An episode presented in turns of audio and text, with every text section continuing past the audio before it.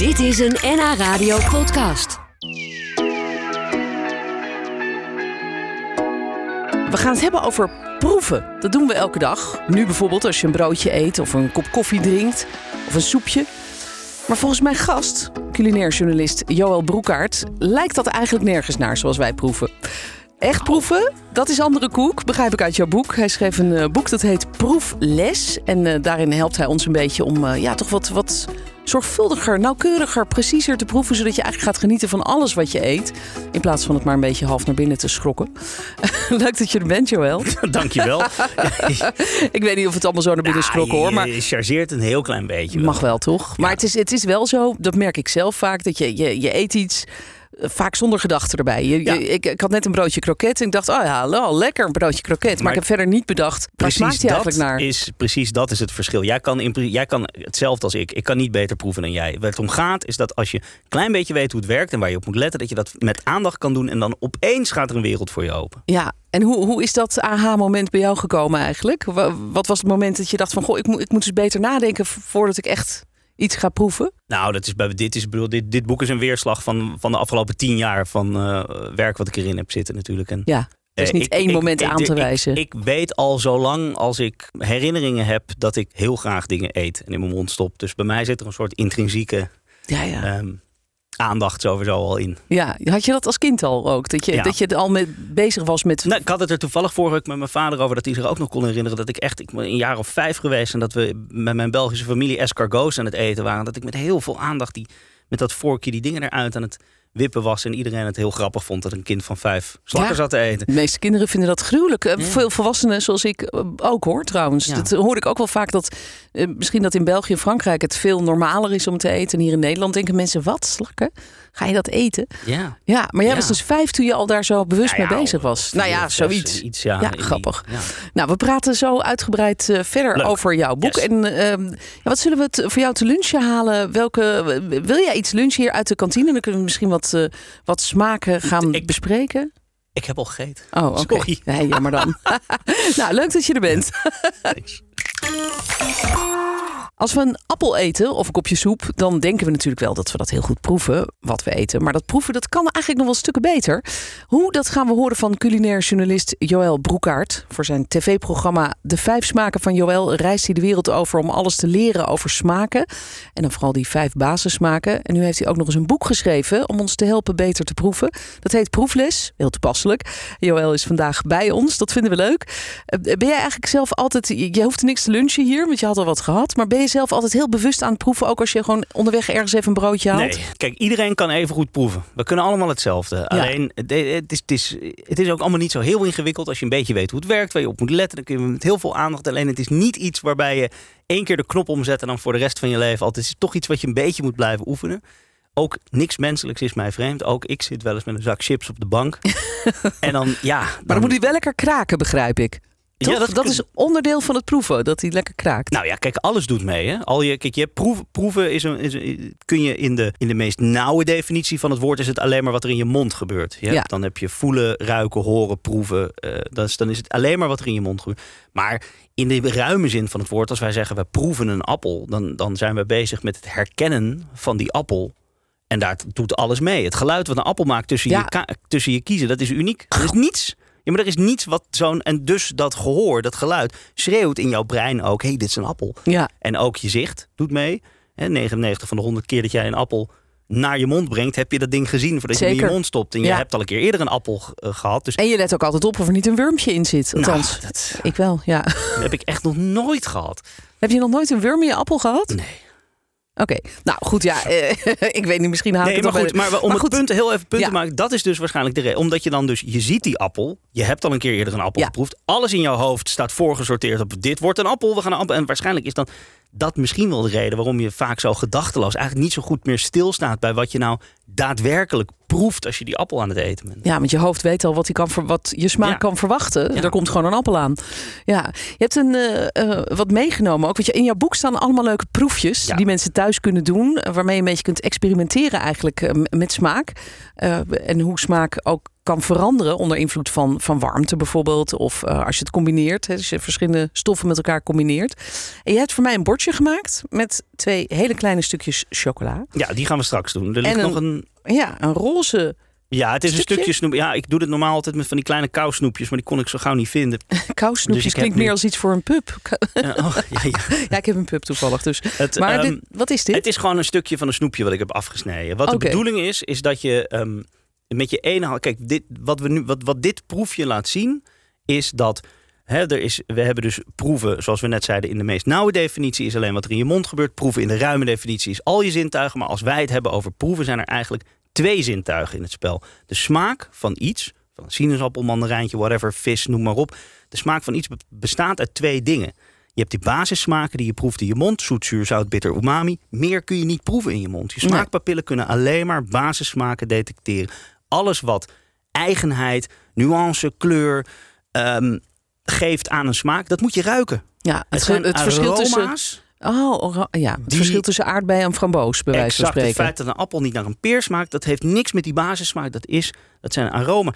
Dragon, koriander, peterselie, het zou allemaal alleen maar naar groen blad smaken als je niet die aroma's hebt. Het is Ah, onmogelijk om het verschil te proeven tussen citroensap en azijn als je niet kan ruiken. Het is namelijk allebei gewoon zuur in je mond.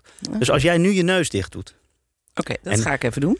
en hem goed stevig dicht houdt. En het is de bedoeling dat je de hele Ja. tijd, tijdens dat we dit doen, hem. Ja, precies. En nou, stop het snoepje maar in je mond. Maar hou je neus dicht en ga erop kauwen. En probeer mij te vertellen wat je proeft. Niet heel veel. Maar je proeft zeggen? wel heel duidelijk één ding. Ehm, Nou, dit is een beetje zoet, uh, zoetig snoepje. exact, ja. zoet. Dat is die basissmaak. Nou, laat die neus maar los. Ah, gelukkig. Ja. Oh, Nu opeens, nu komt er... Hè? nu is het opeens een aardbei geworden. Of tenminste, Ja, dit- het is een fruitsmaak. Heel duidelijk aardbei moeten- of... eh, ja, Ja, zeker. precies. Ja, dit, eh, Hè? Wat gek. Nou ja, en dit is dus iets Want hij zit heen- al in mijn mond. Dat Ja, is heel maar vreemd. Als je je neus dicht houdt, Ja? is er dus ook binnendoor, dus via je neus en keelholte, is er natuurlijk ook een weg naar je, naar je de Ja, bovenkant van je neus, waar het reukepitheel zit, waar die aroma's worden eh, gedetecteerd. Maar op het moment dat je je neus dicht houdt, is er geen luchtstroom. Nee. Dit is de reden waarom als, als professionals wijn drinken, doen ze altijd dit. Hè, dat onoorbare geluid, dat Ja. is om een reden. Dat is om die luchtstroom op gang te brengen. Zodat die aroma's uit die wijn zo goed mogelijk daarboven in je neus komen. Om, om ze Ah. allemaal te, goed te kunnen proeven. Ja, ja, dus die aroma's zijn eigenlijk onmisbaar. Die, de- Voor- nou ja, smaakwetenschappers zeggen dat het wel 70, misschien wel 80 procent van de smaak bepaald wordt door die aroma's. Jeetje, ongelooflijk. Ja, Ja, dat is was- echt, zonder aroma's is er geen lol aan in Nou, leven. dit is echt een leuk proefje om even thuis te doen. Als je gewoon een, Ja. een snoepje pakt of iets en dus even je neus dichtknijpen, snoepje, En het is, beetje het, sabbelen. het belangrijke is dus dat je niet kan voelen aan de vorm wat het is. Nee, ja, tuurlijk. Ja, Dus het, wer- dan, het, dan werkt het wel. beste als het gewoon allemaal dezelfde vorm van die kousnoepjes zijn. Nou, heel grappig. En wat gaan we met de chocola dan doen? Daar zit ik natuurlijk met smacht op te wachten. Nou, als je wil kunnen we die gelijk erachteraan gooien. Kijk, ja, en doe maar. die aroma's, dat is, dat, die zijn dus heel belangrijk. Hè? Ja. Die, die geven echt de smaak en, de- en, en de kleur en de lol en plezier en dat soort dingen. Die, daar gaat het om, die Ja. aroma's eigenlijk. Ja, en eigenlijk is een aroma, dus begrijp ik, iets wat, wat in het, in het eh, eten zit, maar wat, wat Het, is een- loskomt. het, het zijn vluchtige moleculen, het zijn volatielen. Ze zijn zo klein, de fracties, dat ze niet door de zwaartekracht naar beneden gaan. Dus ze zitten in de lucht, ze zweven rond en wij kunnen ze ruiken. Ja. En dus komen ze met de lucht mee in onze neus. Ehm, dat is inderdaad, vaak komen ze los op het moment dat je dingen verhit of de structuur breekt of je bent aan het kauwen. En dan komen die aroma's vanzelf wel los. Maar soms is het dus ehm, belangrijk om ze een handje te helpen. Nou is er één ding wat je moet weten. Aroma's lossen kunnen oplossen in water. Als je thee zet, dan los je aroma's Ja. op in water. ja. Eh, maar veel beter en veel liever in vet. In olie en vet lossen aroma's heel veel beter op. Oké. Nou, heb je twee stukjes chocolade. Dit is Ja. hele pure chocolade. Dit is iets 70, 80 procent. Ehm, dat betekent, het percentage betekent dat het, ehm, het bestaat, pure chocolade bestaat uit drie dingen. Cacao, cacaoboter en suiker. Hoe hoger het percentage, hoe hoger er- wat erop staat, hoe hoger het percentage aan vaste cacaobestanddelen. Ja. Dus als je 80% zit er maar 20% suiker in. Dus dit is heel bitter. Veel mensen vinden dat Niet zo lekker. Ik weet Nee. niet of jij ervan houdt. Van Nou, hele bittere chocola. Ik, laat ik zo zeggen, ik, als ik zelf mag kiezen welke chocola ik het liefste eet bij een kopje thee, dan is het melkchocola. Oké. En eh, ik, vind het, ik vind het wel lekker. Ik Ik, heb meestal net wel of je dat niet gezegd hebt. pure Ehm, chocola in huis. Ja, sorry, ja, maar dat is gewoon omdat het zo'n. Als je het hebt over dat mondgevoel, die chocola die maar smelt waar- op je tong. En waarom vind jij die hele pure chocola niet zo lekker? Nou, ik vind hem wel lekker, maar ik, vind- ik heb er minder een. Ik word er minder. Eh, blij van of zo. Die, die melkchocola geeft dat gevoel dat hij op je tong smelt. En dat geeft gelijk een soort instant heerlijk blij gevoel. En die, en die pure chocola vind ik wel lekker. Maar eh, daar heb ik ook niet de neiging van om enorm door te eten. Nee. Wat op zich beter is. Dus ik heb het ook meestal in huis. Pure heel chocola. Nou, ik, wat ik, eh, ik heb je twee stukjes gegeven. Wat Ja. ik wil dat je met het eerste stukje doet, is gewoon eten zoals je normaal chocola eet. Niet over nadenken, in je mond eten, koude hapslik weg, gewoon hop. Bij deze. Niet maar ik proef over- wel chocola. Maar wat proef Heel je duidelijk. vooral? Mm, Overwegend overwegend. Ja, een beetje bitter. bitter. Het is overwegend Ja, bitter. overwegend Dit- bitter. Pure chocola Ja. is heel bitter. Ja. Nou, pak je het tweede stukje, Mhm. dan stop je het in je mond. En dan mag je alles doen behalve kauwen. Sabbelen, beetje mee spelen, met je tong van links naar rechts. Ja, even Mag voor de luisteraars die niet meekijken via de webcam. Het, is, het zijn maar hele kleine stukjes, hè? ja, maar het is niet dat het ik hier lang. met een halve tablet eh, chocola Nee, nee. zit. Nee, het zijn echt Maar- hele kleine Maar stukjes. concentreer je even wat er gebeurt nu in je mond. Want je bent Die aan het sabbelen. Die smelt. En wat proef je? Ja, nu komt er ook meer... Toch ook wat meer zoet bij. Ja, precies, het is zoeter. Ja, en, en iets meer wat ik bij melkchocola dan Wat zo lekker vind. Dat romige. Maar Zachte. misschien ook wel ergens een klein beetje. Ik weet het niet. Zuur? Iets zuur? Zuur. component? Ja. En wat voor soort zuur? Mm, nou, niet zoals citroen. Nee, Niet, niet maar, maar wel fruitig. Ja, Nou, Maar- Wat er dus nu gebeurt is, dit is... eh, grappig. Als je daar ehm, beter op concentreert, dan ga je meer proeven ook. We zitten natuurlijk nu in de studio te praten. Tuurlijk, maar, ehm, ja, ja. Het, eh, wat er gebeurt is, de eerste keer heb je alleen de cacao geproefd. Je hebt gewoon gekoud, je proeft die bitterheid van die cacao en je hebt hem Ja. weggeslikt. De tweede keer heb je de cacaoboter de tijd gegeven om op lichaamstemperatuur te komen. En dan gaat die smelten. En waar zitten de aroma's? Die zitten in dat vet. Ah, dus ja. die komen dan los. En opeens kan zo'n pure chocola, die normaal alleen bitter is, kun je opeens verschrikkelijk veel mooie dingen inproeven. Het is een gefermenteerd product. Dus er ontstaan tijdens die fermentatie allemaal nieuwe smaken. En Geweldig. van pure chocolades, die, die, die hele mooie single origin pure, pure chocolade, die kunnen naar, naar, naar fruit, naar tropisch fruit, naar gras, naar groene banaantjes. Er kan van alles in zitten. Het, er zit meer smaak in dan een glaasje rode wijn bijna. nou, nou ja, dit Bijna. is wel, het, is- dit is vergelijkbaar. Heel erg leuk. Heel leuk om te proberen. Dit staat dus ook in jouw boek. Zeker, Dit allemaal. proefje. Dus Ja. dat is heel leuk voor mensen Dit die zijn- het misschien net even gemist hebben. Hoe dan en wat dan. Eh, dat staat dus in jouw boek. Proefles heet het. We praten zo nog even rustig verder. Ik praat nog even verder met Joël Broekaert. Hij is culinair journalist en hij is gefascineerd door smaak. En voor zijn nieuwste boek Proefles ging hij op zoek naar ja, waar smaak eigenlijk uit bestaat. En hoe wij beter kunnen gaan proeven wat we nou eigenlijk eten. Daarin eh, doet hij ook allemaal leuke testjes. Die kunnen wij dus ook thuis proberen. Met zongedroogde tomaatjes en noem maar op. En we hadden hier net in de studio een testje met eh, een stukje snoep. Eh, dat ik eigenlijk echt pas kon proeven toen ik niet meer mijn neus dichtgeknepen hield. Dit is natuurlijk trouwens, zegt een luisteraar, ook waarom mensen die iets vies moeten eten, kinderen, die knijpen dan hun neus dicht. dat snappen en, we nu en ook, de dat reden werkt waarom, ook. waarom eten minder leuk is als je verkouden bent. Je Ja, zit verstopt, je ruikt gewoon minder goed. Nee, inderdaad, ja. En een andere luisteraar vraagt of je deze test, net met dat snoepje, ook wel eens met blinde personen hebt gedaan. Want zicht is natuurlijk heel belangrijk. Ja, Want nee, ja, kijk, ik... dat, precies. Dat, ehm, het werkt het beste als je ook inderdaad gewoon niet kijkt naar de kleur van het snoepje. Of, Ja. of, of inderdaad met een blinddoek om. Is het helemaal, want dan zet je dus alle andere zintuigen buitenspel. Ja, ja, want ik dacht net al van, ik, ik zag dat het een rooiig snoepje was. Ik denk, ja, dan nou, daar zit je al voorgesorteerd. of, eh, ja. dan, dan precies, ja. Ja. ja. Goed, we kregen ook nog een eh, opmerking van een luisteraar die zei: beter proeven, dat doe je door gewoon meer te smakken. Dus echt een beetje eten met geluid. Dus echt zo. Dat, je, dat het dan de smaak beter loskomt. Is dat iets Ja, wat jij nou, herkent? Nee, dat heb ik niet eerder gehoord. Ik ehm, zat er heel veel over na te denken. Dat kan misschien te maken hebben met eh, waar we net met, die met dat wijnproeven ook over hadden. Dat je dus meer luchtstroom op gang brengt door Ja, te smakken en, en, en in te ademen. En, en het voedsel wat opwarmt door het te, te kauwen. En door de warmte komt die smaak misschien ook be- beter los. Ja, ik weet niet of smakken daar per se Nee. bij helpt. Wat er ook nog zou kunnen misschien is dat als je meer speeksel aanmaakt. Hè, die, die basissmaken, die, de, de suikers en de, Ja, Eh, waterstofionen die, die, die zure smaak voor zich, die moeten natuurlijk eerst oplossen in je speeksel voordat je ze kan, voor ze kunnen binden aan die receptoren. Dus op het moment dat je meer speeksel aanmaakt, heb je kans dat je ook dat die basissmaken sterker doorkomen. Nou ja, dus dat zou Misschien, wel ik degelijk weet het niet. Ja, iets het kunnen zou zijn. kunnen Maar dat is, ja. Hey, het is heel leuk. Je hebt eh, in je leven heel veel geproefd. Je schrijft er ook over in dit boek. En je zegt altijd, ik eet alles, ik probeer alles. Eh, zijn er wel smaken waarvan jij zegt, van, nou, die hoef ik eigenlijk niet nog een keer te proberen? Zijn er dingen die echt zo vies waren? Ja. Ik Oh heb, ja? ja, ik heb, nou, ik, ik bedoel, ik, ik stuit hier, schop hier tegen zere benen waarschijnlijk. Maar ik heb andouillet van liefhebbers. Ik heb andouillet een paar keer geprobeerd. Oh ja. Het spijt me, maar ik vind het gewoon, het smaakt gewoon een stront. En het is het eigenlijk ook. Ja, want het is pensworst, toch? Nou, volgens Of- mij is het een dunne darm gevuld met dikke darm. Oh, Ik vond het gewoon, het is gewoon, ja, kom, Eh, ja. Maar, en dan roepen mensen, hoezo weet jij hoe poep smaakt? Dan denk ik, ja, als je nou, nee, maar als je dat proefje net gedaan hebt, precies.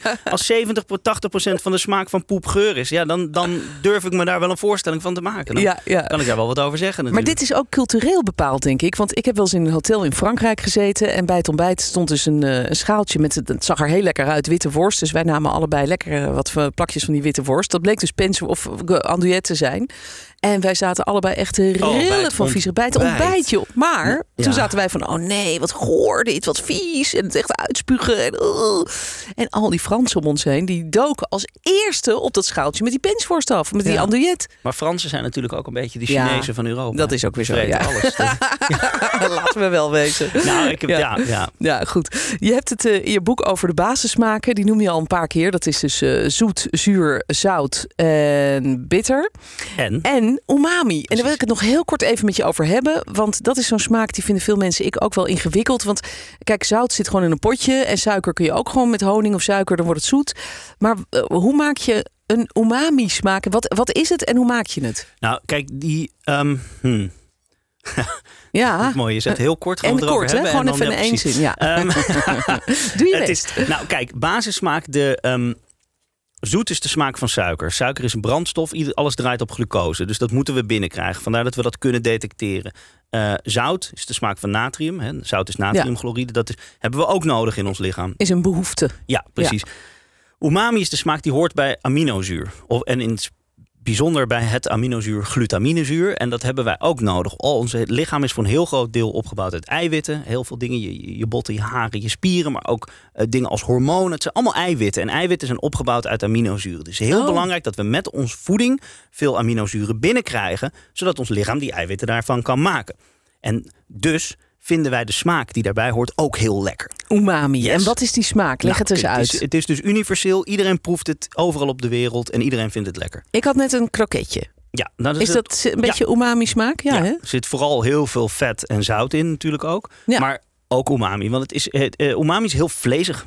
Ja. Ik denk dat vlezig gewoon het beste woord is. Mensen zeggen vaak hartig, aards.